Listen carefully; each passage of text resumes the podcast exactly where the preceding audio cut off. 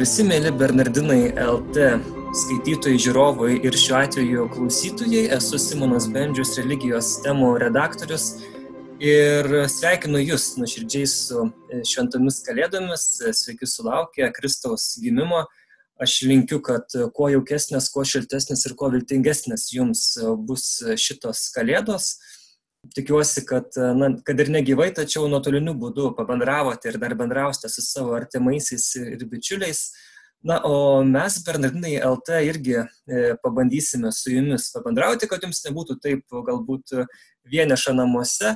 Kviečiu pasiklausyti ir šios e, tinklalaidės. E, na, o mano pašnekovas yra Kauno arkivyskupas emeritas Lionginas Virbolas, jezuitas, O čia, beje, nepaminėjau tinklalaidę Tai, ko neišgirdai per pamokslą. O šią tinklalaidę remia Spaudos radio ir televizijos rėmimo fondas. Taigi sveikinuosi su mūsų e, pašnekovu, arkiviskupu Emeritu Lionginu. Sveiki, gyvi. Sveiki. Taip pat sveikinu visus nuoširdžiai su šventomis kalėdomis. Jos tokios ypatingos, bet visuomet brangios ir mielos. Tai labai džiugu, kad galiu kreiptis į visus ir pasinaudoju tą progą visus pasveikinti. Aš pasidžiaugsiu ir pasigirsiu, kad e, gavau jau man kalėdų senelis arba šventasis Mikolojus atnešė e, dovaną e, Šventoji žemė kelionės vadovas. Lionginas Virbalas yra šios knygos autorius, išleido knygą Terra Publica.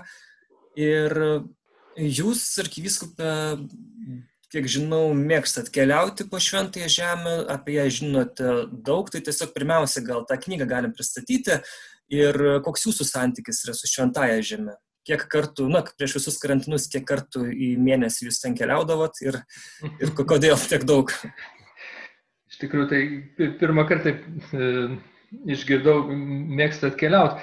E, iš tikrųjų yra gera keliauti, kelionės praturtina, bet e, taip susiklostė, niekada neplanavau, negalvojau, ne, nebuvo tokios minties, kad aš čia imsiu ir keliausiu. Aišku, netaip jau čia dažnai ir, ir keliauju, gal kai kada porą kartų per metus, kai, kai kada vieną kartą per metus. Tai, aišku, prieš pat tą karantiną tai šiek tiek gal ir daugiau teko ir planų buvo, bet, bet viskas sustojo. Mano pirma kelionė tai jau e, tikrai gana senai, e, berots 94 metais ir tuo metu studijavau e, Romoje, Grigalijos universitete ir sužinojau, kad vienas profesorius organizuoja studentam tokias keliones ir piligriminės, ir, ir kartu studijų keliones. Tai mes ne, nevažinėjom daug kur e, po Šventą Žemę, bet tiesiog gyvenom savaitę prie pat Galilėjos ežero, keliolika metrų prie, prie kranto. Ir, e, ir skaitėm šventą raštą, dairėmės po apylinkės ir, ir nuvykdavom tai vieną, tai kitą pusę, labai netoli, Kafarnaumas už porą kilometrų, e, Nazaretas taip pat netoliese, apie nepilni 40 km, tai Galilėjos aplinka ir paskui dar į Jeruzalę. Ir taip mhm. susiklostė, kad tiesiog vėliau palydėjau kitas grupės, vertėjavau ir, ir kaip dvasinis palydėtojas keliavau ir laikau tai kaip dovana, didžiulė Dievo dovana man. O tą dovaną norėjau dalintis, tai ir tada knyga atsirado. Mhm. Tai jūs užkabino, čia taip sakant, šventoji žemė. Pirma, pirma kelionė buvo tai tiesiog, nežinau, tokia apstulbinanti. Manau, kad nemažai kas ir, ir dabar tokį pajunta jausmą nuvykę, nors dabar mes daug daugiau keliaujam negu kokiais 94-aisiais iš Lietuvos, tada dar nebuvo tokių galimybių. Tai dabar jau įprasta keliauti visur.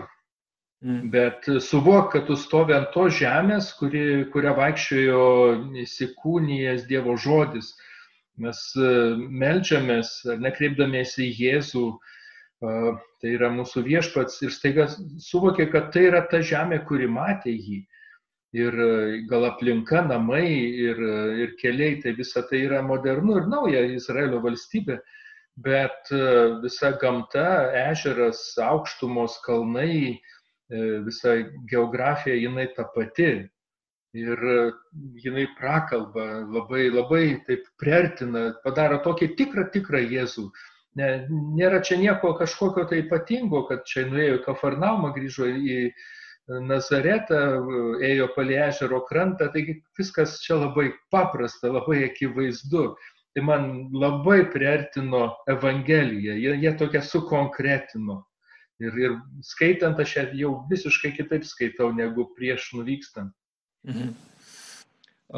Galima šiek tiek žvilgtelti ir įsivaizduoti Jėzaus gyvenimą būtent jo laikais, taip pat ir skaitant jūsų knygą, dar kartą pareklamuosiu Šventoji Žemė kelionės vadovas, rasite joje ir būtent aprašytos ir Evangelijos ištraukos tam tikrose vietose, kur Jėzus gyveno ar, ar kur, kur įvyko tam tikri Evangelijų įvykiai, taip pat apie tos vietovės, to miestelio, to kaimo e, istoriją, apie reikšmingiausius objektus, e, daugiausia, aišku, apie sakralinius objektus. Galim ir pabandyti gal tada įsivaizduoti, kadangi jūs jesuitai, žinau, mėgstate labai įsivaizduoti e, tikėjimo dalykus ir vaizduotę pajungti tikėjimo augimui. Pabandykim tada mintimis nukeliauti 2000 metų atgal Ir, na, įsivaizduoti, kaip turėjo viskas atrodyti tais laikais, kai vyko toks didingas įvykis, kai, kai Dievas nusprendė uh, tapti žmogum. Tai gal pirmiausia, gal toks klausimas, ką krikščionis mes per kalėdas tikime ir skelbėme, jog pats Dievas visos visatos, nežinau, ar visų visatų, jeigu jų yra daugiau kuriejas, jis kažkodėl tai nusprendė tapti žmogum ir apsigyventi konkrečioje planetoje, konkrečiame istorinėme taške ir ne kur kitur, o tiesiog mažame e, Nazareto kaimelį, atrodo nereikšmingame. Tai pirmiausia, kodėl Dievas apskritai panorėjo šitaip daryti? Iš pirmo žvilgsnio visiškai nelogiškai ir na, nes ne iki galo suvokiamai. Ir liekam tokie, ne iki galo suvokia, čia tik apstulbęs gali uh, gerėti, žiūrėti ir, ir priimti tikėjimu. Lieka slėpinys, tos beprotiškos Dievo meilės, kurią gali tik tai stebėtis, kokia jisai turi. Ir, ir ateina, renkasi mus, žmonės, tą žemę, konkrečią vietą, E, tai nemažai daugeliui gal antikinio pasaulio žmonių buvo tai ir sunkiausia priimti, kad kaip, kaip Dievas galėjo tapti regimas, kaip matomas, kaip jisai galėjo vaikščioti žemė. Tai krikščionys tą bendraudami, kaip apaštalai su, su Jėzumi, jie, jie jį matė, jie girdėjo ir, ir paskui skelbė kaip Dievo sūnų. Tai tiesiog tikime, tikėjimu priimame. Tai ta, tas didžiulis slėpinys, kuris lydi mus visą laiką ir tai ta milžiniška dovana mums. Kaip turėjo atrodyti Galilėja ir Nazaretas tais laikais, kai angelas Marijai uh, apreiškė ir pranešė žinę, kad ji taps uh, Dievo motina. Pirmiausia, gal apie pačią tą, uh, tą istorinį kontekstą. Kas tuo metu vyksta uh, Izraelio valstybėje? Na, jinai yra okupuota romėnų. Uh, Taip, romėnai valdo, tai, tai yra Romos provincija, padalinta į keletą, e, na, jeigu apie įsikūnimą, tai dar tai Erodo didžiojo laikai, e, e, Jėzus gimė, kai dar valdė Erodas didysis, kurio statybų pėtsakai, na, akivaizdus ir dabar atskiri net miestai pastatyti jo, jo laikais kaip Cezarėja prie jūros arba pati Jeruzalės šventykla. Bet e, labai greitai e, po jo mirties yra, yra padaloma į keletą sričių, jo sunums valdomų ir galiausiai jau Jėzaus viešosios veiklos metu judėja valdo na, valdytojas atvykęs iš, iš Romos. Bet tai, tai yra nesavarankiška valstybė, kuri moka duoklės, kuri, kuri prižiūrima, kuri E, na, viduje nusiteikusi prieš e, tą okupaciją. Nors, kaip sakau, čia reikėtų išskirti tos du momentus - Jėzaus gimimo, e, erodo laikai ir paskui Jėzaus viešosios veiklos prabėgus 30 metų. O Galilėja, kur Jėzus gimsta Nazaretas, tai nedidelis kaimas, pasakytume, gal miestelis, sakoma, 100-200 gyventojų, labai gražioj vietoj, tokioj dauboj, kur aplink kalvo supa kaip tam tikras amfiteatras ir, ir kyla išlaitai į viršų. Pietiniai daly pro Nazaretą, bet jau už kalvos praėjo didžiulė lyguma, tai pati didžiausia lyguma Galilėjo, Jezreelio lyguma ir derlinga na, žemdirbystė visais laikais. Ir per ją eina karavanų kelias, kuris jungia Egiptą su Sirija ir toliau su, su Persija. Tai labai, labai svarbus, labai reikšmingas kelias. Tai viskas kartu ir nuošalumas, ir, ir, ir toks tarsi užsislėpimas nedidelio kaimelio, ir šalia ta arterija, kuri, kuri jungia anometinės galybės šimtmečiais. O Jėzaus gyvenimas tai tam mažam, mažam kaimelį arba ar miestelį. E, nereikia įsivaizduoti kaip mūsų kaimo, ar ne, viena ilga gatvė, ulyčia, kai sakydavo aukštaityje, ar ne, ir, ir namukai įsirikiavę e, šalia. Tai užmirškim šitą vaizdą, tai yra visai kitas kraštas, e, kitas regionas ir kita epocha. Ko gero, jau iš archeologinių kasinėjimų, tyrinėjimų, tą matom, kad tai e, tikriausiai būdavo, buvo namai pastatyti prie olos, kaip sakiau, tai iš, kyla iš laitą. Tai reiškia, kad panaudodavo olas, natūrales olas arba šiek tiek dar padidintas, nes tai kalkakmenis, labai lengvas kaptuoti jį. Ir šalia pristatytas priengis su stogeliu. Tai labai paprasta ir ta aplinka, kurioje jis gyveno. Tai gyveno e, Nazareto gyventojai olose, galima sakyti. Bent jau dalis tikrai. Mhm. Ir kas nuvyksta dabar po prieiškimo bazilika arba šalia jos mato tokias olas, ten galima jas ir aplankyti kaip muziejų. Tai erdvė, didž... ne, ne tokia didelė erdvė, bet kuri ta, tikriausiai būdavo padalinta į keletą E, vėlgi dalių, tai ten, kur buvo, kur žmonės, kur, kur buvo ruošiamas valgys, kur jie gal ilsėjosi, e, kita dalis buvo gyvuliam. E, ko gero, tai vienoje erdvė tik su kažkuo tai atskirta, buvo ten ir avis, ir, ir jeigu kažkoks tai asilas ar vištos, vėlgi toj, toj pačioj na, erdvėjai. Ir kita, kur buvo laikomo atsargos, grūdų, aliejaus, Tai visa ta aplinka tokia labai, labai kukli.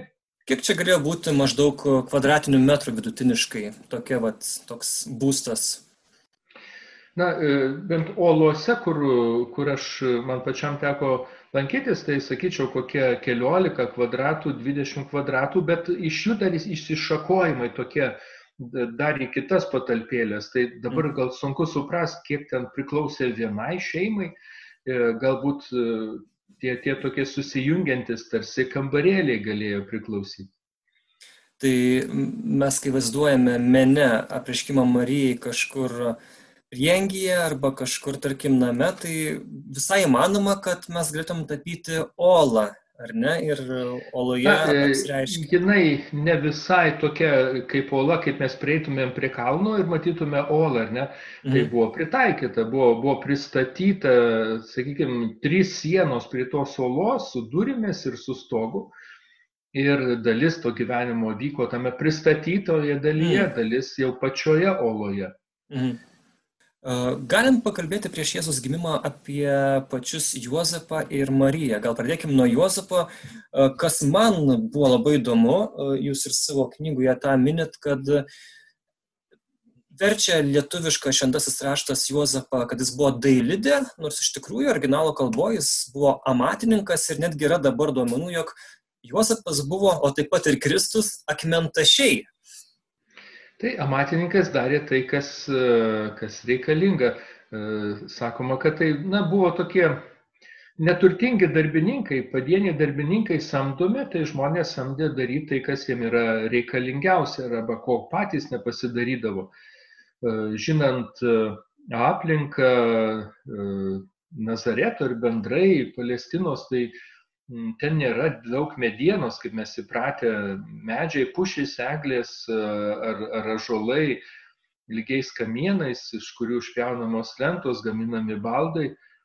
Tai dažniausiai ten naudojama mediena yra lyvmedis, o jisai yra na, susisukęs, ne, ne, nėra tai, kad kažkokios tai didelės lentos iš jų galėtų būti. Jozapas su, su, ir be abejo Jėzus, kadangi įprasta, kad berniukai mokydavosi tėvo amato ir paveldėdavo tiesiog tą, tą darbą, tai jie buvo darbininkai, kurie darė tai, kas reikalinga. Tai gal kažkiek ir iš medžio, bet pagrindinė statybinė medžiaga tai buvo akmuo. Na ir statant reikia įtašyti. Tai ir sakom, kad galėjo būti akmentašiai. Tuo labiau, kad visai netoli nuo e, Nazareto, gal na, keletą kilometrų, mažiau negu 10, 10 kilometrų, buvo gan nemažas miestas, centras e, tuo metinis Galilėjos, tai Seforis arba kitaip e, tariama gal dar Ciporis. Ir kaip tik tai tuo metu vykdavo statybos, tai puikiai vieta uždarbiauti, ne, nereikėjo jiems emigruoti į, Angliją ar Norvegiją, bet keliaudavo į e, greta esantį miestą ir ten e, galėjo e, darbuotis statydami įvairius pastatus ar amfiteatrą ar dar kažką, tai kas tuo metu buvo statoma. O Marija, e, jos kokia istorija iki apreiškimo, ką mes galime iš tų bent jau kultūrinio kontekstinių dalykų nuspėti? Kai, kai kurie dalykai ir tokie nujaučiami arba užuominos yra šventajame rašte. Marija sužadėta su Juozapu, tai ta tradicija, kad pirmą vyksta sužadėtuvės, sutariama, jau viskas aišku, kad tai ištekės už to ir to. Ir paskui dar po kažkokio laiko įvyksta jau tas tikras persikėlimas į vyro, į vyro namus. Tai matom tą tokią tradiciją. O E, toje aplinkoje buvo įprasta, kad e, na, moteris pasirūpindavo namais, maistu, e, vėlgi keliaudavo ryte prie šaltinio atsinešti vandens ir tas šaltinis netaip jau toli, bet ir, ir jis dabar teka, ištrykšta iš po žemių, ko gero, na, tiesiog aplinkoje nėra kito, tai turėjo tą patį naudoti ir mm. anu meto gyventojai, mm, tai gamint, gamint maistą, arba tokie paprasti dalykai, kuriuos Jėzus paskui prisimena palyginimus arba apie e, davimą atsigert žmogui ir kad tai tikrai neliks neužmokėta ne, ne arba apie drabužio lopimą, kad nesiuvamas naujas lopas ant seno drabužio. Manau, kad tai jisai matė savo šeimoje, Marijos rankose, tai ką, jisai, ką jinai darydavo. E, lopydavo ar Juozapo, ar Sabo, ar, ar Jėzaus drabužius. Tai ta aplinka, kur e, jisai patyrė ir gyveno kaip, kaip žmogus. Aišku, mes čia peršokam jau po to, kai jisai augo mm. Nazarete, bet tai ta aplinka jinai išlieka. Miestelėje buvo visuomet e, sinagoga, tai maldos susirinkimo vieta, jinai šiek tiek kitokia, negu mes dabar suprastumėm bažnyčią bet e, ten e, vėlgi šabo, šabo dieną rinkdavosi maldai, beje, paprastai vyrai rinkdavosi maldai, moteris, jeigu rinkdavosi, tai turėdavo kažkokią tai atskirą vietą truputėlį, ne, ne toj pačioj erdvėje. Ir tenai mokėsi rašyti ir, ir skaityti ir rašyti vaikai. Įdomu, kad na, Jėzus paskui sugrįžta po kiek tai metų ir atsiverčia raštų rytinį atsivinioja, reikėtų tai teisingai sakyti, ir skaito pranašą Izaiją. Tai išmoko jisai skaityti tenai, toj, toj aplinkoje. Tai toks, na, ramus žmonių, kaimo, paprastų žmonių gyvenimas, aplinka, žemdirbystė, gyvuliai, kažkiek tai bendravimas su kitais per, per tuos E, karavanų keliais einančių žmonės ir perkant tai, kas reikalinga, tai ta aplinka, kurioje Marija gyvena. Mhm. Aš kart prisiminiau vieną e, tokį Facebook'e matytą, na, tokį kaip pašiepinti galbūt šiek tiek komentarą, kad jeigu Jėzus buvo dailidė, tai kodėl iki šiol neišlikusi ne viena jo padirbta kėdė, nesgi čia būtų didžiulė relikvija, bet jeigu Jėzus buvo akmentašys, tai tada natūralu, kad, na, tų tų relikvijų turbūt ir nėra išlikę. Arba labai daug, nes Arba labai jeigu, daug. jeigu aplankyti vėl tą patį mano minėtą Seforio miestą, atlikti kasinėjimai labai įdomus ir labai daug atitengta mm. antikinių pastatų su, su mozaikom, gatvės, namai, tai, na, galbūt kažkas tai iš tų pastatų Jėzaus statytų. Mhm. Tai, kaip minėjot, ramus kaimelis gyvenimas savo vaga teka ir štai uh, nutiks kai kas, kas sukrės, galima sakyti, visą pasaulį, galų gale bent jau Marijos gyvenimą ir Juozapo pradžioje tai tikrai. Uh, angelas apreiškė Marijai, jai pasirodo ir pasako, kad štai uh, tu būsi Dievo motina ir tu pagimdysi Mesiją, kurio žydų tauta tiek jau amžių laukė. Kaip turėjo jaustis ir ką turėjo galvoti Marija, kai tai įvyksta, kai štai jinai pamato tokį reginį ir jai pasako. Rašoma, kad Marija sumišo, bet spėjo, čia yra išversta turbūt labai jau taip gražiai, aš spėjau, jinai turėjo, nežinau, ir išsigasti, ir, ir pagalvoti, ar čia man vaidenasi. Žmogiškai bandau spėlioti. Na, tai visų pirma, reikia žinoti, ir Evangelijos tai nėra toks istorijos pasakojimas, kokį dabar galbūt, na, kaip reportažo padarytų e, žurnalistai, kurie viską papasakotų mm. aplinkybės, kas, kas iš kurios pusės atėjo, kas, kas vyko, kas, kas stovėjo, kas sėdėjo ar, ar dar kažkaip tai. Tai Evangelijų tikslas ne, nebuvo toksai e, kažkoks tokio chronologijos perdavimo, bet e, prasmės. Tai nereiškia, kad nebuvo tų įvykių. Taip, jie, jie, jie be abejo, kad buvo, Bet, bet tai, ką mes skaitome, tai yra e, mum, mūsų tikėjimų užrašyta. E, kaip ir Lukas pradžioje Evangelijos sako, kad užrašyta, kad įsitikintum tikrumu tų mokslo, kuriuo esi išmokytas, kai jisai kreipėsi į Teofilių. Ir čia e, tai, ką mes perskaitom apie Mariją, apreiškimą Marijai, tai na, krepinys, tas Dievo pasintinio užkalbinimas, ir Marijos tarsi tokie trys reakcijos. Jis pirmą sumišo, paskui paklausė, kaip tai vyks ir galiausiai taip, tebūnie, štai aš viešpaties tarnaitė. Na, tai mes galim tik tai tarp tų eilučių arba patys galvodami, kaip e, tokio laikmečio na, jauna uh, moteris, mergaitė, keliolikos metų, kaip tuo metu gal keturiolikos, šešiolikos metų, uh, galėjo e, sureaguoti, kaip jį galėjo priimti, bet aš manau, kad jį na, pajuto tą, tą didžiulį kvietimą kažkam didžiam ir iki galo ne, neišaiškinta, ne, iki smulkmentų neišdėstyta, kas ir kaip, kada vyks. Bet e, tai Dievo kvietimas, kuriam jinai, su kuriuo sutiko, galėtume sakyti, kuriam pasirašė bet, bet kuriam, kuriam pritarė, kuri priėmė ir leidosi į tą, į tą kelionę arba tą tokį avantūrą, galėtume pasakyti, bet labai gerą e, išganimo e, vyksmą. Kaip ir kas buvo, na, sakau, bus labai daug įdomių, gražių dalykų, kuriuos e, labai norėsi sužinoti sutikus Mariją.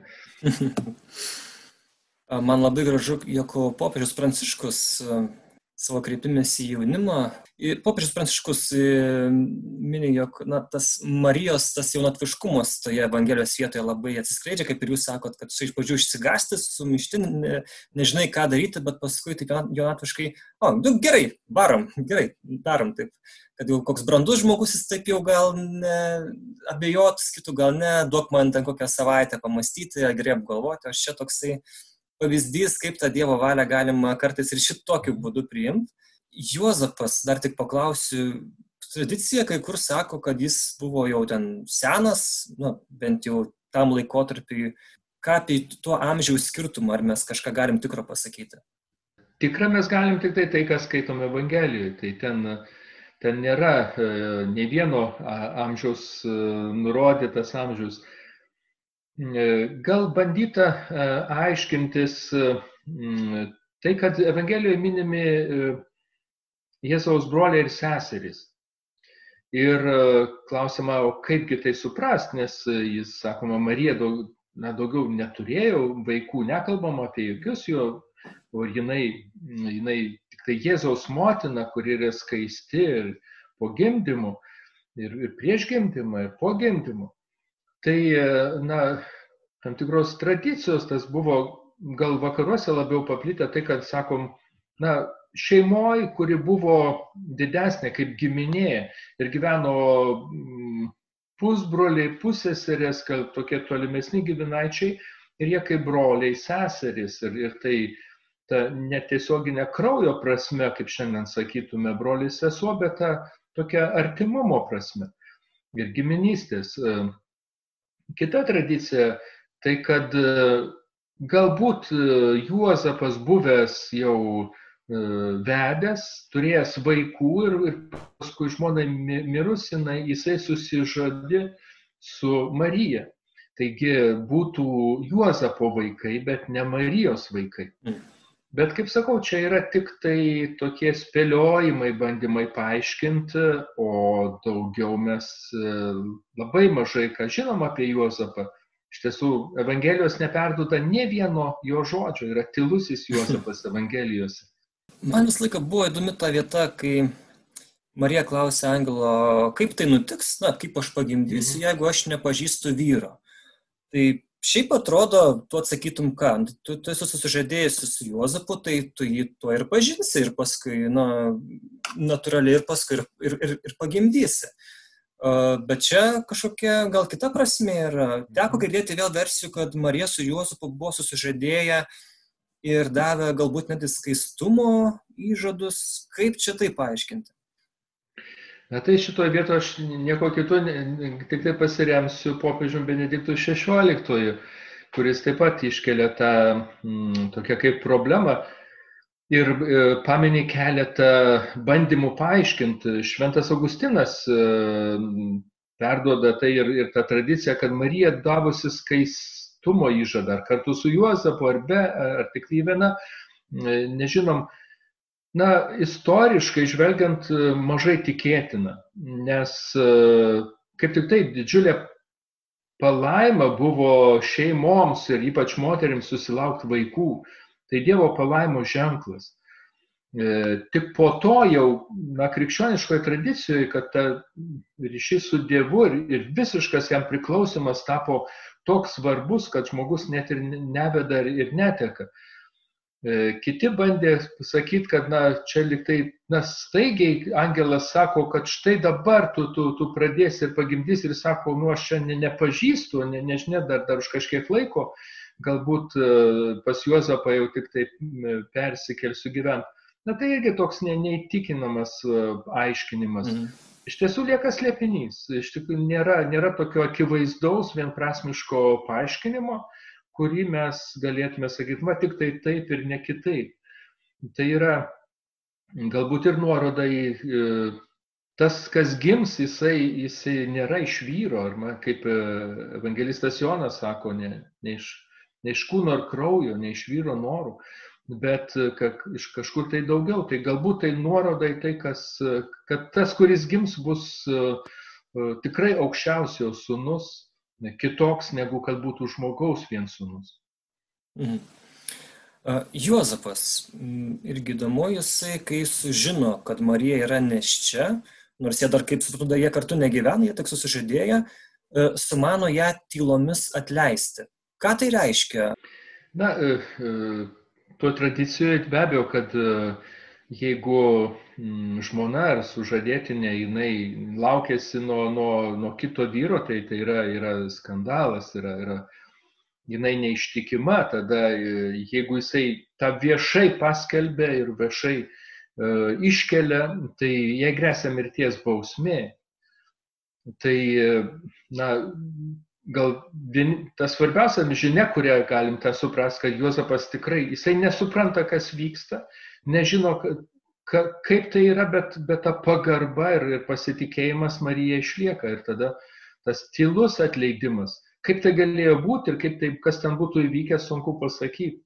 E, žinom, kad padrasintas jisai sapne, kaip evangelistas Matas vis pasakoja, jisai parsiveda Mariją pas save ir ji pagimdo tą sūnų, kuri buvo pradėjusi. Aš tik įsivaizduoju, vis tiek, kaip tu gali tylomis atleisti, jeigu kaime visi žino visi apie visus ir visi mato, nu, nugirsta, supranta. Ir aš įsivaizduoju, koks turėjo būti spaudimas galbūt, ar, ar šiais terminais, šių laikų terminais kalbant, mm. patyčios netgi Marijai ir Juozapui. Tai tokia keista situacija, kur, kur net patys Marija ir Juozapas nesupranta iki galo, kas čia vyksta, kas čia dabar bus. Tai tuo, tuo nuostabesnis tas prieimimas, tiek Marijos sutikimas, tiek ir Juozapo visiškas pasitikėjimas ir prieimimas tos situacijos, kurio ji ne, sakytume, nesuvaldo, jis ne, negali paaiškinti, net ir, net ir saugiai nėra, nėra iški. Ir, na, turbūt visuomet yra tai, ką, ką mes sakom, tas Dievo vedimas arba tai, ką savo gyvenime, tą istoriją, savo tikėjimo istoriją išvelgiam, tai nėra, kad Dievas iš anksto paaiškintų, atskleistų visas kortas ant stalo ir žinai, nu, va, šitai bus, šiandien tai bus, rytoj, dar poryt, dar kitaip Ir tada mes pagalvojam, sakom, nu, nu ką padarys gerai, jau sutinku. Bet, sakom, ar tu, ar tu sutinki, ar tu priimi, ar tu pasitiki. Tai čia, čia tas didysis tikėjimas yra su visišku pasitikėjimu Dievu ir Marijos Juozapo turbūt vienas kitų pasitikėjimas. Visi turėjo būti, aš įsivaizduoju, tokie vos ne, kai sako, vieni prieš visą pasaulį, bent jau tam tikrų, tam tikrų metų. Kaip grėsmė iškilusi, tikrai taip. Paskui nebuvo tai. Ne?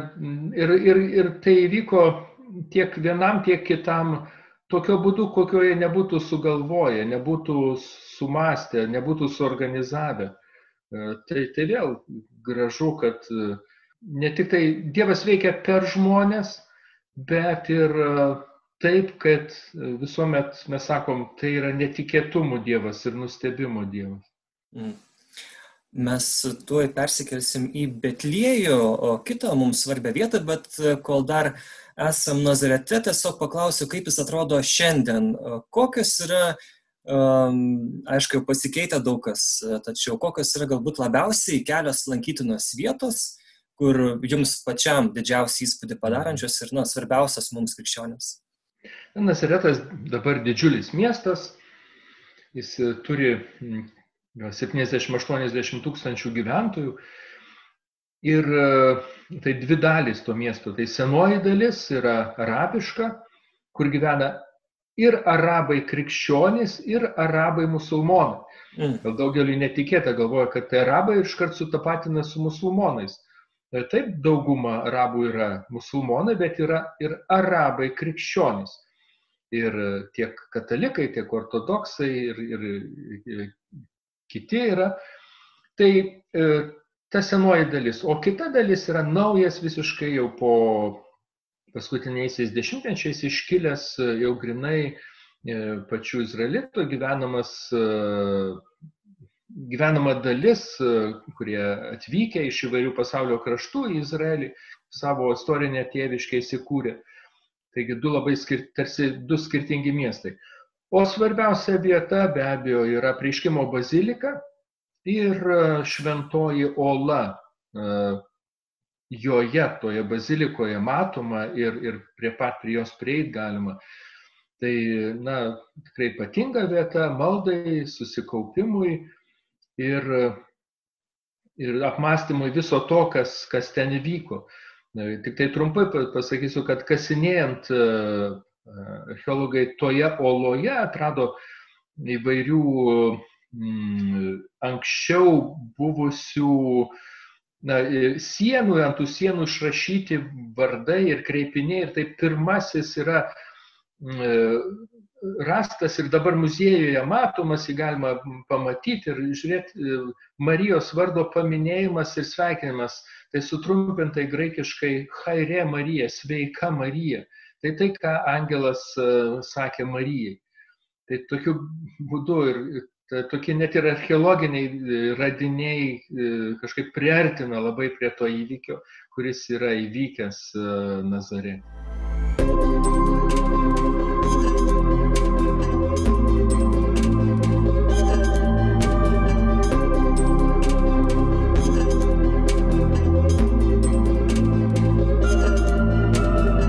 Jėzus gimsta ne Nazarete, Jėzus gimsta Betlėjoje Koks atstumas tarp Betlėjaus ir Nazareto yra? Aš šiek tiek bandžiau gilintis, bet man nepavyko. Kiek reikėjo jam ten keliauti? Dabar taip tiksliai nepasakysiu, bet tai būtų turbūt apie 120, kažkur tai apie 120 mm. km, gal šiek tiek daugiau. Keliai vedė vienas palei jūrą ir kitas palei Jordano upę link, link Jeruzalės, o nuo Jeruzalės jau netoli ir Betlėjus. Ten keliauja Marija su Juozapu todėl, kad e, prisireikės registruoti e, gyventojus to šalies ir e, Juozapo gimtinė buvo, ar ne, Betliejus.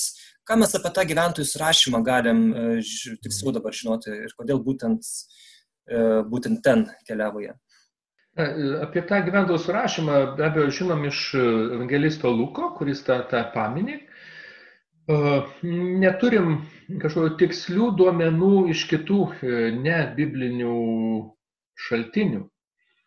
Taip, yra, yra buvę to, tokie surašymai.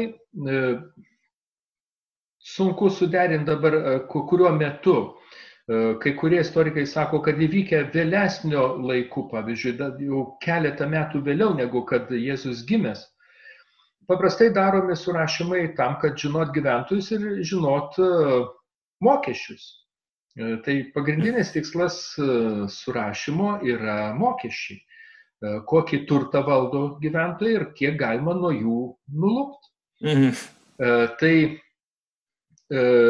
vėl kaip bandymas paaiškinti galimybę, kad tas surašymas galėjo vykti dviem etapais. Tai vienas tai, kai iš tikrųjų žmonės turėjo užsirašyti ir parodyti, ko, kokį jie turtą valdo. Ir todėl Juozapas, kuris turėjęs nekilnojimo turto ar žemės, sakytumėm, kažkiek tai matyt, kaip Davido palikonis Betliejui, keliauja ten, kur, kur užsirašyti, o ne e, Nazarete, kuris tiesiog gyveno ir dirbo.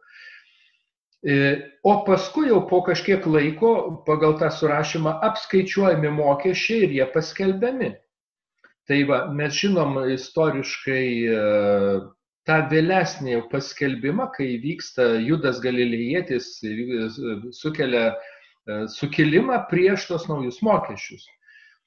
Na, tikrai tiek evangelistas Lukas, tiek Matas, jie nebejotinai liudija, kad Jėzus gimė Betlyjei. Ir e, neturim pagrindo uh, abejoti tuo. O kaip tik tai, ta Betliejus yra ta vieta, kuri, kuri laikoma Jėzaus gimimo vieta, o Nazaretas ten, kuris užaugo. Mm. Dar prieš gimstant Jėzui, norisi paklausti, e, Jėzus ir Marija bent jau tradicija taip sako, kad jie buvo neturtinga šeima. Ir tą galima spręsti iš to, kad jie šventiklui aukojo purplelius, na, balandžiukus, tai yra mhm. pati, pati menkiausia, pati pigiausia auka, kokią tu galėjai paukoti, nes kiti gali aukoti ten jaučius, dar kažką, tai bent jau avį. Bent jau avį, taip. O čia balandžiukai visiškai na, pigiausias variantas. Ar vien iš to galim spręsti, kad jie buvo neturtingi, ar dar Evangelijos uh, kitokių duoda nuorodų. Tai kad jie atkeliauja ir jie Betliejų, jie ne, neturi savo kažkokių atskirų namų, kurie galėtų apsistoti. Mhm. Uh, jiem reikia prisiglausti ir uh, tai, kaip evangelistas aprašo, uh, šiek tiek sudėtinga suprasti, vėlgi skirtingos epochos, E, galbūt neturėjo vietos užeigoje. Mm, kas ta užeiga? Tai kaip, e, na, kaip karavansarajus, ar ne, rytuose, kur didelis e, toks stačiakampis pastatas su didžiuliu kiemu, kur žmonės atkeliauja su gyvuliais ir ten tam kieme saugiai pasilieka, o jie prekes sudeda pirmam aukšte, antram gyvena. Na, kažin, galėjo toks, toks dalykas būti, bet galbūt kitas uh, kitas e, vertimas to paties užeiga, tas žodis reiškia ir didelį kambarį, menę. Mhm. Jeigu verstumėm iš, iš graikų kalbos. Tai kai kurie, na, šventų rašto tyrinėtojai sako, galbūt tai ne, nebuvo ta vieša užeiga, kuriem nebuvo vietos, bet uh, tiesiog atkeliavo pas giminaičius, kurie e, na, gyveno tokioj vienoje erdvėje, kur daug žmonių susirinkę ir e, atvykę užsirašyti. Ir štai jauna pora ir Marija, kuriai prisertina laikas gimdyti, tikrai ne vieta tame perpildytame kažkokiam didesnėme kambaryje. Ir jie ieško e, na, kitokios aplinkos, kur, kur galėtų įsikurti. Bet vienas faktas tai, kad jie ne, neturėjo savo. Mhm. Ir, ir jau vien tas darbas, tai ką užsiemė e, Juozapas e, kaip, kaip stalius ar amatininkas ar akmentašys, vėlgi tai labai paprasto darbininko gyvenimas turėjo būti, mhm. neturtingų žmonių. O Jūs apie tą menę, kaip pasakėte, tai labai įdomu, kad mes įsivaizduom, jog prašėsi Juozapas su Marija, bet juos atstumė, eikit lauk, nepriimsim ir kaip žiūriu, ar ne, nes šios moteris nepriima, bet e, pagal šitą versiją būtų tai, kad patys Marija ir Juozapas suprato, kad mums čia nelabai tiks, nes to reikės gimdyti ir tame tvartelėje gimdyti bus ir bus ramiau viskas ir, ir saugiau. Galbūt, ar ne? Bet vėlgi, tas žodis tvartelis, tai čia mūsų, mūsų yra folkloras Tai va, įdomu, koks tvartas turėjo būti, kur, kur gimsta Jėzus. tai e, Evangelija ne, ne, neranda, tai yra neperduota ne jokio žodžio, jokių tvartų ir jokių kitų. Tik pasakyta, kad jiem nebuvo ėdžiose. vietos užeigoje. Paguldė ėdžiose. Pagimdė ir paguldė ėdžiose. Na tai jeigu ėdžiose, natūralu, kad tada ėdžios ten, kur yra gyvuliai ir kad jie yra iš ėda. Tai, e, na, jeigu gyvuliai, tai mes iš karto sakom, tai yra tvartas. Bet jūs, manau, dabar šitą kažką norit, šitą mitą paneigti, ar ne? Aš ne, jokio mito, ne, tai gal ir nėra mitas ir aš nieko nenoriu paneigti, tik tai remdamasis Evangeliją pasakyti, kad na, mes pridedam ten daug prie, prie to ir įsivaizduojam dažnai, bet mm. jeigu sugrįžtam, tai e, ta aplinka, kuri galėjo būti vėlgi e, Betliejus Olos. Vėl žmonės, kurie neturėjo statybinių daug galimybių, jie panaudodavo viską, ką galima Olose. Ir e, jeigu dabar nuvyktumėt ir pamatytumėt Jėzaus gimimo olą ir taip pat netoli, bet Sahūrė, vėlgi prie pat Betlėjus, piemenų lauko olas. Ir tai tiesiog yra ola, po, po kurią e, darganos metu, nakties metu e, na, sugindavo gyvulius tai aišku, kad ten tie gyvuliai ir maitindavosi ir gal kažką tai rupšnodavo, tai galėjo ir kažkokios ėdžios būti. Bet tai nėra tvartas mūsų įsivaizdavimų, kur, kur karvutės e, kelis mėnesius e, būna uždarytos ir ten viską daro ir, ir taip toliau. Bet e, šiek tiek gal kitokia aplinka, bet tikrai tai ne, ne prabangių namų aplinka, mhm. o na, kur netoli gyvuliai ten, ten na, tokia aplinka kokia yra. Mhm. Tai aišku, vis tiek tai yra ekstremal, ekstremalus gimdymas, galima sakyti, ekstremali situacija, nes tu, tarkim... Manau, kad taip, manau, kad taip.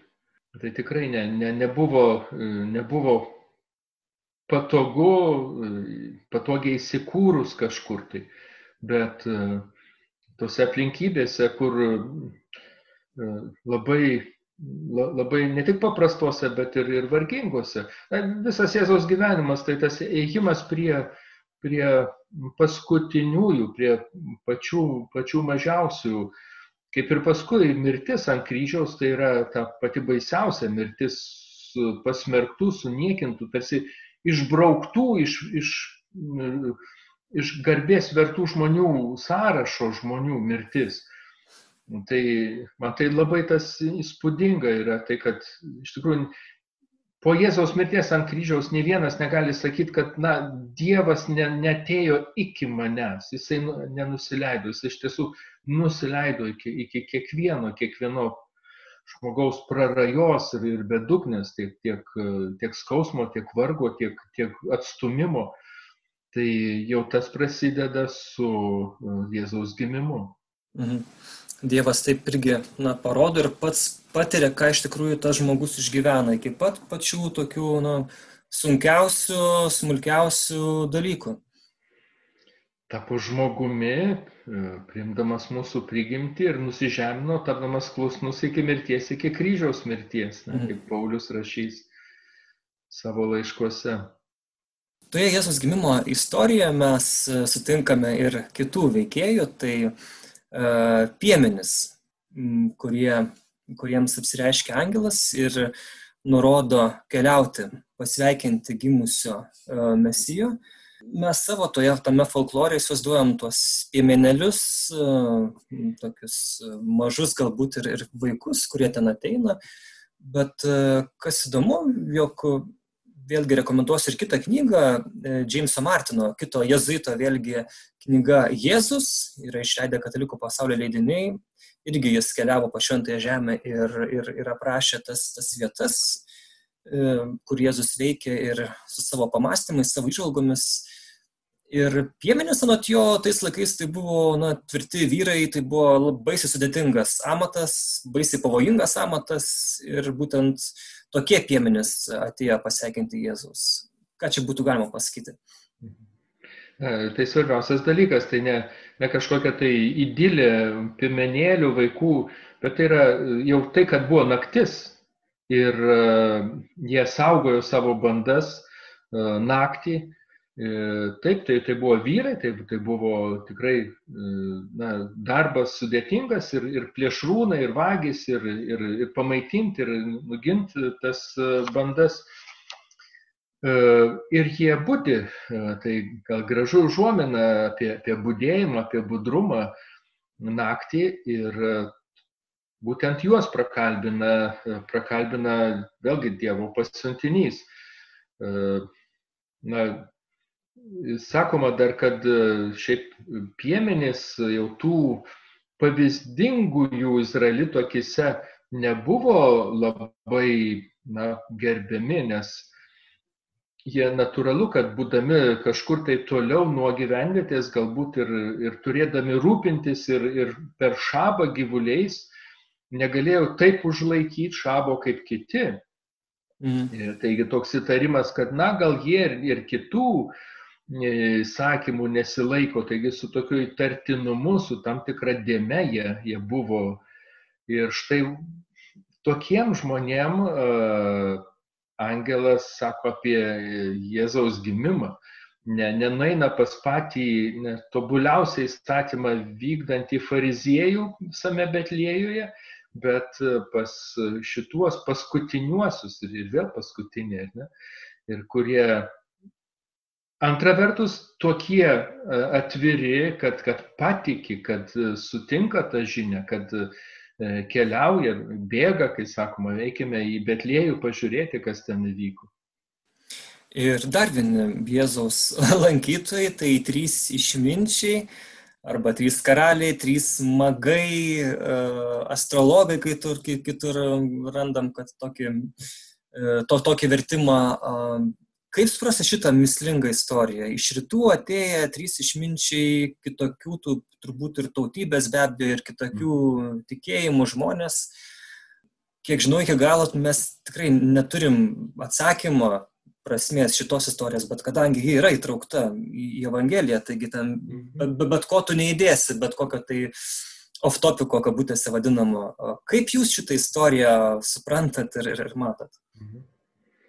Na tai jau e, gal reikėtų irgi žvelgti šiek tiek plačiau, tai turbūt tai nebuvo, kad, nežinau, pirmąją kalėdų dieną ar antrąją kalėdų dieną atkeliauja tie išminčiai, kaip jie išversta e, lietuviškai, o graikiškai magoj, tai, tai reikštų magai, arba na, įvairiais galim kitaip versti tai tie astrologai, žvaigždžių stebėtojai, bet taip pat ir išminties ieškantys žmonės, taigi išminčiai. E, e, čia vėliau prie, priejo vėlgi, kad tai galbūt karaliai e, atkeliavę.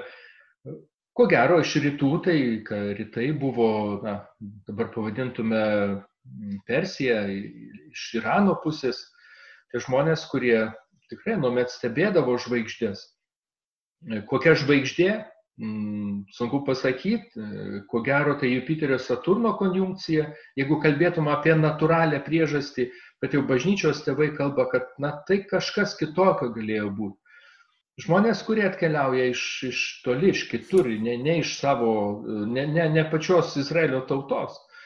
Dabar mums tai tas kažkaip nebeaktualu, mes nebesuvokiam, nu kas čia tokio, na, na piemenys ateina, šminčiai ateina, Bet tuo metu tai dvi didžiuliai dalykai, kurie tarsi nesusijungia. Tai žydų tauta, turinti savo pažadus, Dievo tikėjimą ir kitos pagonių tautos, kurios garbina savo, savo stabus, kurie visiškai yra klaidinantis, kurie yra tiesiog blogį simbolizuoja. Ir štai tie žmonės mato žvaigždžią, ateina, atkeliauja pagarbinti žydų karaliaus. Tai na, ta atvirumas ir ta nuoroda, kad visos tautos, Jėzus išganytojas ne, ne vienos tautos gelbėtojas, ne vienos tautos išvaduotojas, bet gelbėtojas visos žmonijos. Galėtume ir, ir taip suprasti atvirumą, atsiverimą visam, visam pasauliu, visai žmonijai. Ir kaip dar viena interpretacija, kad Jėzus yra tas atsakymas, tas išpildymas tų kitų ankstesnių įvairiausių tikėjimų ir religijų, tai, ko tos religijos, ko jos siekia, ko jos nori, ko jos trokšta, apie ką tie žmonės tikinti svajoja, Kristuje visa tai išsipildo. Kad Kristus, na, nenubraukia, nepaneigia, tačiau jisai perkeičia ir išpildo galutinai kitų tautų tikėjimus. Taip, ir todėl įsivaizduota, kad, na, dabar paprastai tie trys išminčiai vaizduojami skirtingais netgi drabužiais ir vienas, na, jisai tamsaus gimio, tamsos odos spalvos. Tai kad iš skirtingų regionų, netgi iš skirtingų žemynų, kaip atstovai, kaip karaliai, arba ir vaiz kartais sakoma, arba na, vaizduojama, kad jie yra skirtingo amžiaus, taigi atstovauja skirtingus žemynus, skirtingas amžiaus grupės. Tai visų e, tas išsipildymas arba atsakymas ir nukreipimas yra e, į Jėzų. Jisai tas, kuris duoda atsakymą ir prasme visiems žmonėms. Aš nepaklausiau, kaip atrodė Betliejus Jėzus laikais, ar ko jisai ar labai skiriasi nuo, nuo Nazareto? Na, Betliejus šiek tiek ir kitoks tai jau judėja, ne, ne Galilėja, kur žalia, kur daugiau gamtos, kur žemdirbystė. Tiesa, prie Betlėjus taip pat e, žemės buvo derlingos, e, auginami javai, bet čia pat jau judėjus dykuma. Ir e, atvykdavo dykumose arba už dykumos gyvenantis prekiaut šalia parduoti savo tai, ką jie turėjo nusipirkti, ko jiems reikėjo maisto, E, tai tam tikra e, vieta, e, kur keliaudavo žmonės iš Jeruzalės į Hebroną, vėl kita tokia biblinė vieta, mm, tai tokia judresnė galbūt už Nazaretą gyvenvietė, bet ir čia žmonės gyveno labai paprastai, tų, tų namų turbūt ne, nebuvo daug. Vėlgi, jeigu Jėzus gimė oloje ir, ir aplink žinom, kad yra olų, tai ko gero irgi panašiai kaip ir Nazarete pritaikydavo savo gyvenimui tas natūrales olas žmonės ir, ir toje aplinkoje gyvena. E, šiandien tas Betlėjus jau turbūt vėl yra a, kitoks. Tai dabar yra palestiniečių miestas, tai yra mm. palestiniečių savivaldos teritorija ir Mhm. Yra tikrai didelis e, arabų e, miestas, daug krikščionių jame. Tiesa, anksčiau dar daugiau gyveno, na, proporcija buvo tai didžioji dalis, daugiau negu turbūt pusė, gal pora, du trečdaliai gyventojų buvo krikščionys. Dėja, dabar ta proporcija labai pasikeitusi ir todėl, kad iš kitų Izraelio vietų čia atvyko arba atkelti buvo arabai musulmonai, tiek ir todėl, kad e, krikščionys arabai turėdami gal daugiau ryšių užsienyje e, stengiasi išvažiuoti į kitus kraštus, emigruoti, kur na, būtų geresnės gyvenimo sąlygos. Tai dabar yra likę krikščionių bendruomenės ir bažnyčios, bet jau jos mažesnės. Pati centrinė vieta, pati brangiausia, gražiausia vieta be abejo yra Betlėjus bazilika, Jėzaus gimimo bazilika. Ir jinai yra pati seniausia išlikusi krikščioniška bažnyčia visoje šventoje žemėje. Tai yra maždaug šešto amžiaus pirmos pusės e, statyba. Jau prieš tai buvo pastatyta bazilika Konstantino didžiojo ketvirto amžiaus pradžioje, bet perstatyta po sugriovimų ir iš esmės išliko tokia kaip iki pat mūsų dienų. Ir nuo 2016 metų E, atlikti didžiuliai, didžiuliai restauravimo darbai e, tiek vidaus ir išorės stogo, stogo konstrukcijų. Tai tiek palestiniečių savivalda, tiek e, krikščionis ten kartu turi savo dalis toje bazilikoje stačiatikiai, taip pat armėnai ir katalikai, tai trys konfesijos, trys bažnyčios.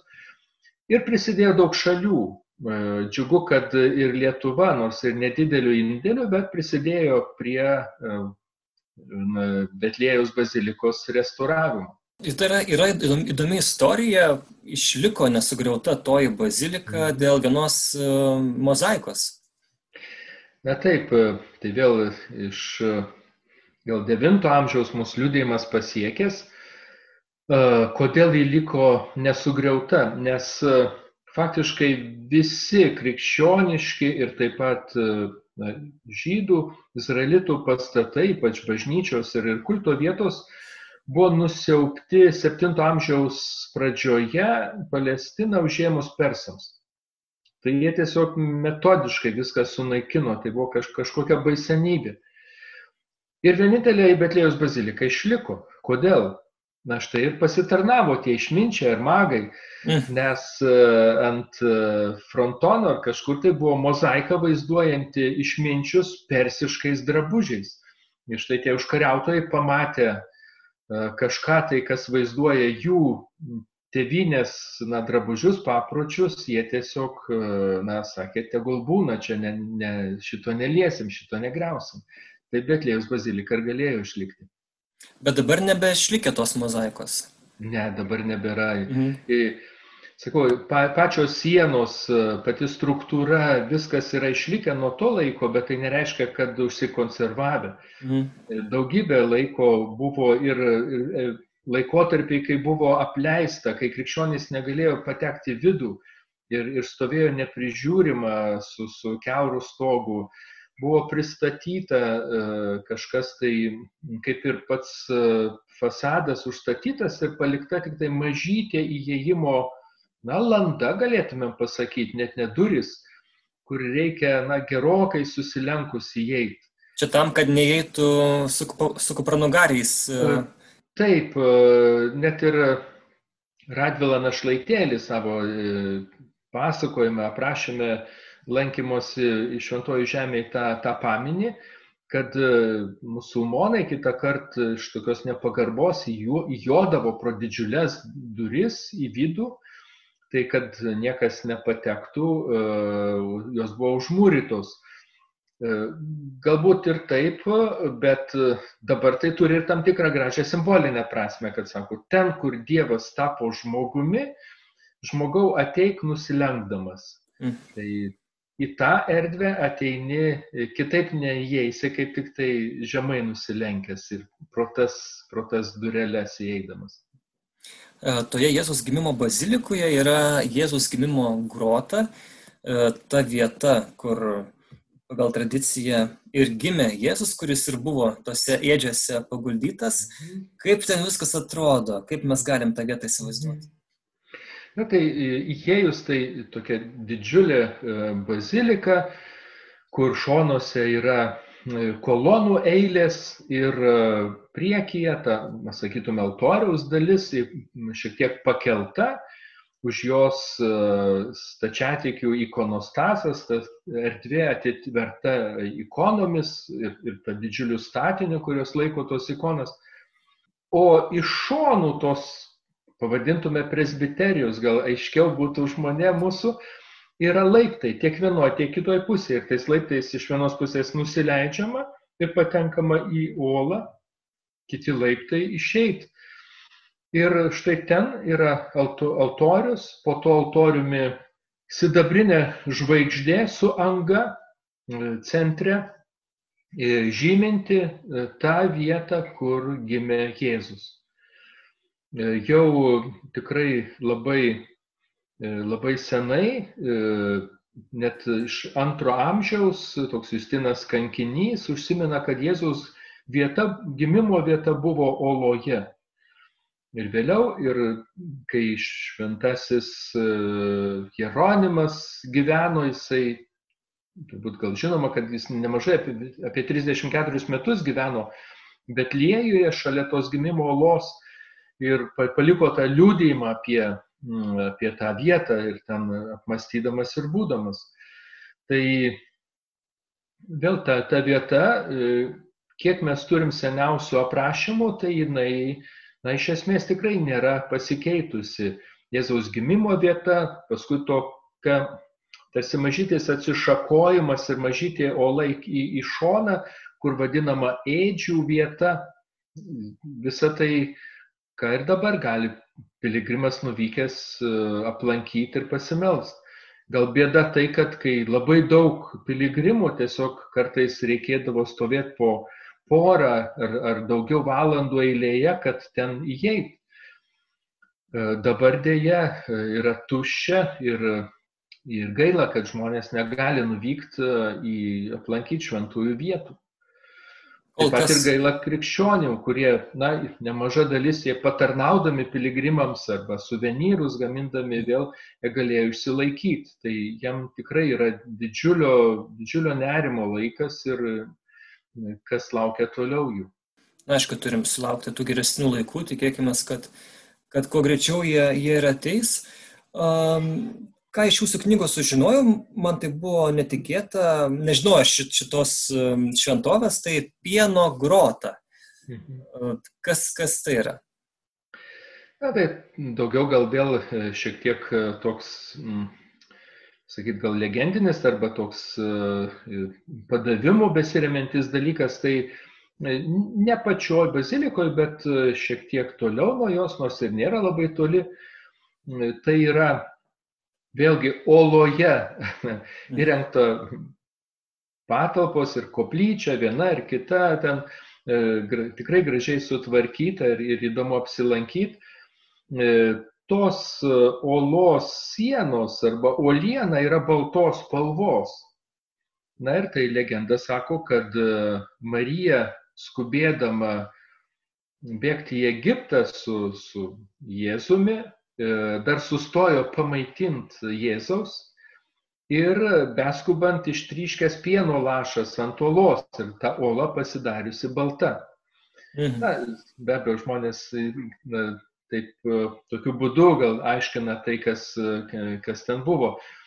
Bet tai dar viena vieta, kuri susijusi su, susijusi su Marijos Jėzaus vardu tame Betlėjuje ir dabar yra piligrimų lankoma vieta. Ir, E, labai gražu, kad e, toj oloje yra tokia padaryta vėlgi didžiulė koplyčia, kur vyksta nuolatinė švenčiausio sakramento adoracija.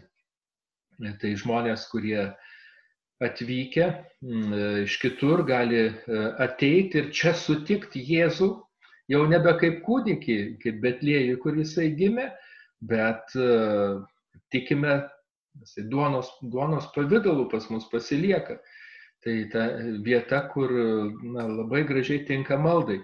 Kaip minėjau, kad e, pati bazilika, jinai yra priklauso trim konfesijom, gal katalikai mažiausiai turi ten, bet e, vis tiek kažkiek tai šalia e, bazilikos yra pranciškonam priklausanti Šventos Kotrynos bažnyčia, tai ten koplytėliai taip pat vyksta adoracija, bet štai toj pieno grotoj irgi yra erdvės, kurios piligrimam pritaikytos ne tik pasižiūrėti, kažką pamatyti, bet ir e, pasilikti maldo ir išgyventi kitokiu būdu apsilankymą šventose vietose. Mhm.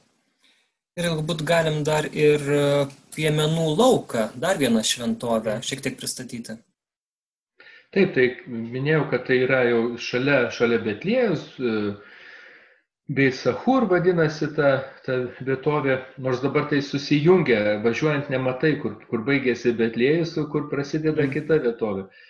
E, išaugę e, daug gyventojų. Tai yra dvi vietos, viena e, yra stačiatikiam priklausomi, priklausanti šventovė, ir kita, kitoje vietoje, gal už puskilometrio katalikam, kaip ir daugelis vietų šventojų žemėje. Tai tikim, kad ta vieta, kur piemenys nakvojo, ir tikrai galima, galima įsivaizduoti tokią olą pakibusią virš, virš žemės ir po ją palindus gali savo apsisaugoti ir nuo lietaus, nuo darganos E, visa aprūkusi, tai reiškia, kad ten tikrai būdavo laužai kūrenami. E, dabar padaryta kaip koplytėlės, e, kur piligrimų grupės gali aukoti šventasias mišes arba tiesiog įeiti pasimels. Šalia yra buvęs vienuolynas, bet jau nuo, turbūt nuo 7 amžiaus jau nebeatstatytas ir tik tai grįvėsi jo. Tai vietos, kurios mena ir Jėzaus laikus, ir krikščionių e, buvimą ir maldą nuo pačių seniausių laikų ir dabar pritaikytos e, lankyti piligrimams. Paminėkim dar, e, jeigu galima trumpai, dar vieną tokį įvykį susijusiu su šventaja šeima, tai pabėgimas į Egiptą. Tam, kad Jėzus nebūtų nužudytas, Juozapas su Marija būtent spruko į šį kraštą, į šią šalį, bandė išgelbėti Jėzus gyvybę. Ką apie tai būtų galima daugiau pasakyti? Kodėl būtent e, Egiptas ir kaip ta turėjo būti jų kelionė, kaip mes ją galim įsivaizduoti? Evangelijoje skaitom, kad Josapas perspėtas sapne, kad Erodas e, ieškos nužudyti kūdikio Ir iš tikrųjų jis tą padaro, žudo visus kūdikius, dviejų metų ir jaunesnius. Betliejuje jisai iškeliauja su Marija ir juo Jėzumi. Sunku įsivaizduoti, kaip tai galėjo vykti. Galbūt iš Betliejus pasitraukė greitai ir slapta. Keliauti toliau, manau, kad vis tiek turėjo ieškoti karavano žmonių, kurie keliauja na, viena šeima nelabai įsivaizduojama, kad galėjo atlikti tokią tolimą ir pavojingą kelionę.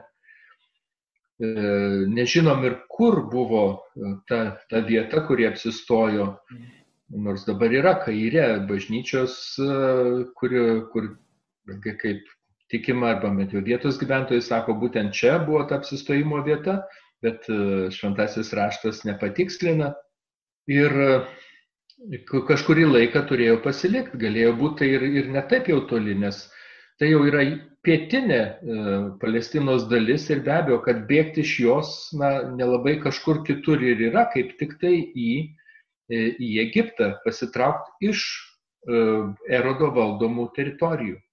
Šku, tai mums vėl kelia na, tai įvairių sąsajų. Šimtoji tauta buvo išvesta iš Egipto, Mozė, kurie išveda tautą iš Egipto ir jie ateina į pažado žemę. Ir Jėzus, kuris iš Egipto e, ateina ir vėl apsigyvena čia. Tai tarsi ta senoji Dievo tauta, jinai, na, priejo kažkokią tai, tai kas, kad, kur ne, nebe, nebegalėjo toliau gyventi, reikėjo Dievo pagalbos, reikėjo Dievo išgelbėjimo. Jėzus yra tas, kuris kuria e, iš savo tikinčių naują Dievo tautą. Ir, ir tas, tas pakartotas išeimas e, iš Egipto. Bet, e, kaip sakau, tai mes galim tik tai skaitydami šventą raštą stengtis suprast, kokią prasme, kokią teologinę reikšmę mums perdoda ir kuo praturtina mūsų tikėjimą tie žodžiai, tas pasakojimas aptarėm Betliejų, Nazaretą ir tiesiog jau mūsų pokalbio pabaigoje norisi jūsų dar keletą asmenių dalykų paklausyti. Tai jūs minėjot pačioje pradžioje, kad apsilankimas šventoje žemėje, matymas ir buvimas tose vietose, kur pats Jėzus veikia, keičia tikėjimą, jūsų bent jau pakeitė. Galite dabar šiek tiek daugiau papasakoti, kaip tą jūsų tikėjimą pakeitė? Na, gal ne tiek, kad pakeitė tikėjimą, tikėjimas pasiliko tas pats, bet e, davė tokio gyvumo, akivaizdumo, e, kaip ir minėjau, ta Evangelijos įsišaknyjimas, e, tai žinojimas tos aplinkos, vietovių, jos labai artimos, skaitant Evangeliją iškart iškyla, ar, ar tai ežeras, ar Kafarnaumos, ar Jeruzalė, ar Betliejus, ar, ar Jerichas, tai na, tiesiog ta Evangelija tampa, tampa tokia tikrai sušaknyjusi ir gyva. Mm, kitas dalykas, tai gal ir istorinė aplinka padeda suprasti ir Jėzaus palyginimus apie, apie lauką, sėją, kelią, grūdus krentančius, tai, tai žemę, tai ant kelio, tai į krūmus. Na tai tiesiog reikia matyti tą aplinką ir įsivaizduoji, kad tai yra visai kitokia negu kad mes turim. Na ir be abejo, kad pagrindinis dalykas vis tiek nuvyksti ne tik tai kaip į bet kokią kitą turistinę kelionę, bet uh, piligriminė kelionė, kur yra maldos kelionė. Tai toj vietoj melstis, tai būna ta, tas tokio artimumo Jėzaus, Jėzaus gyvenimui, Jėzui, Marijai, Marijos gyvenimui patyrimas ir, ir malda jinai na, tikrai ypatinga tampa, gyva, jinai tiesiog padeda ne tik tai, ta, ta vieta padeda tarsi persikelti ir tos 2000 metų ir, ir būti kartu su, su Jėzumi ten gyvenusiu.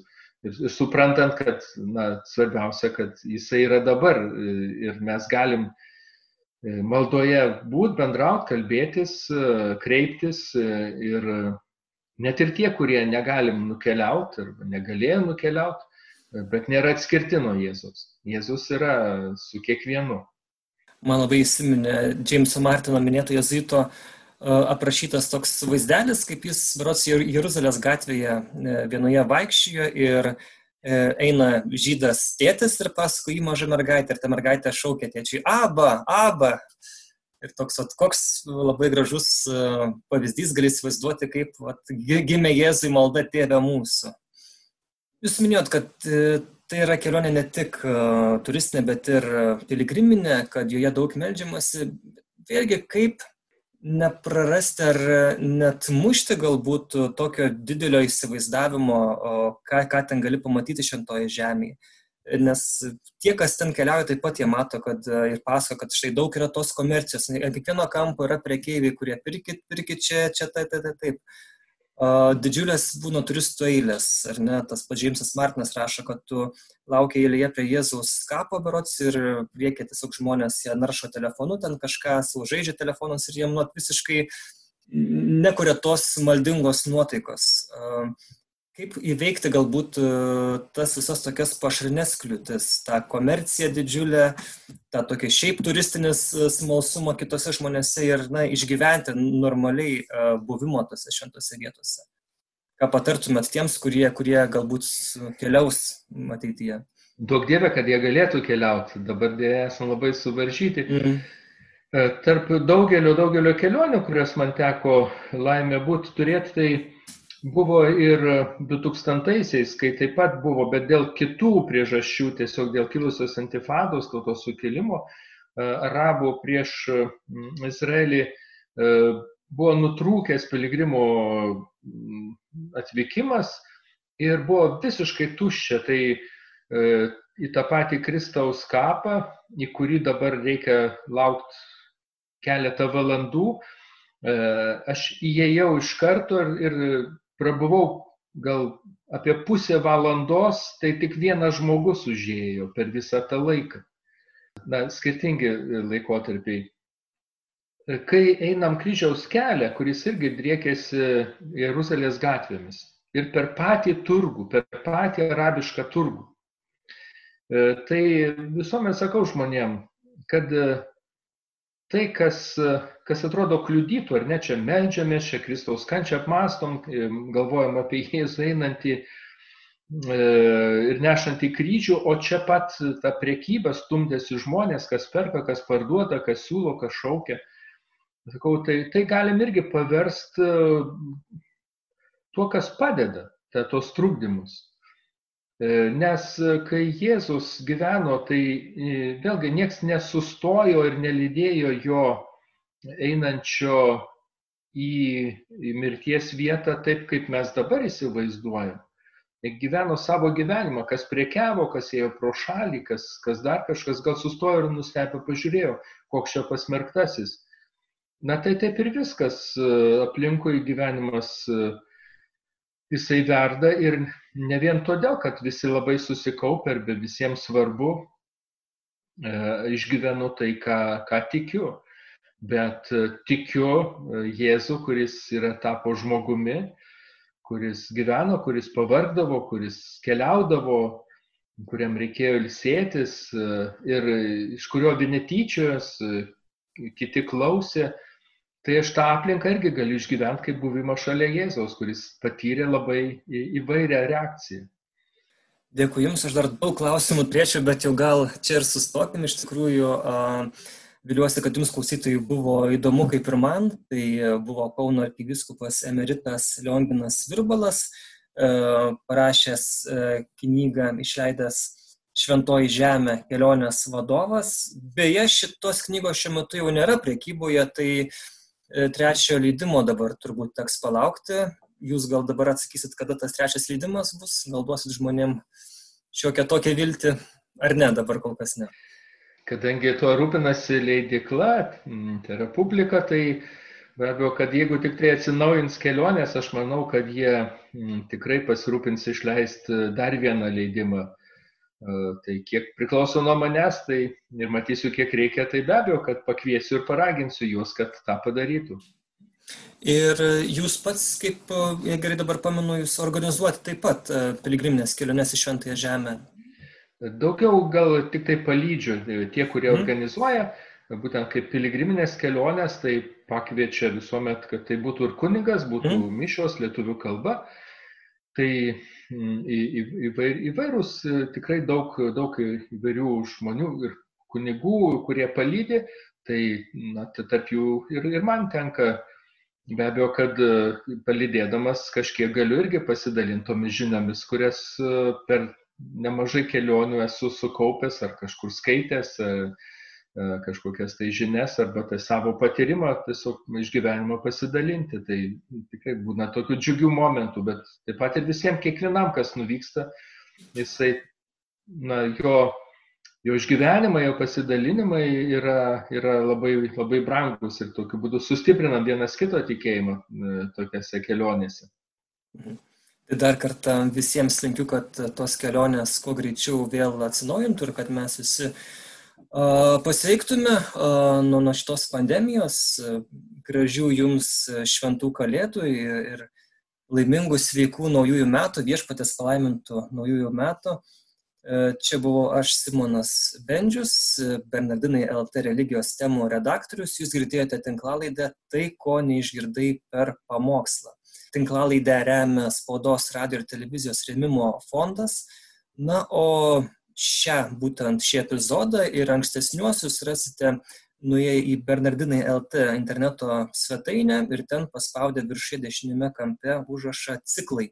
Ten rasite tiek šią tinklalaidę, dešimt jų iš viso yra šitame cikle, e, taip pat ir kolegės Kristinos Tamelytės tinklalaidę nesamoningai ir kitų įdomių tekstų ir vaizdų, e, kuriuos mes jums esame parengę. Dar kartą gražių švenčių ir iki.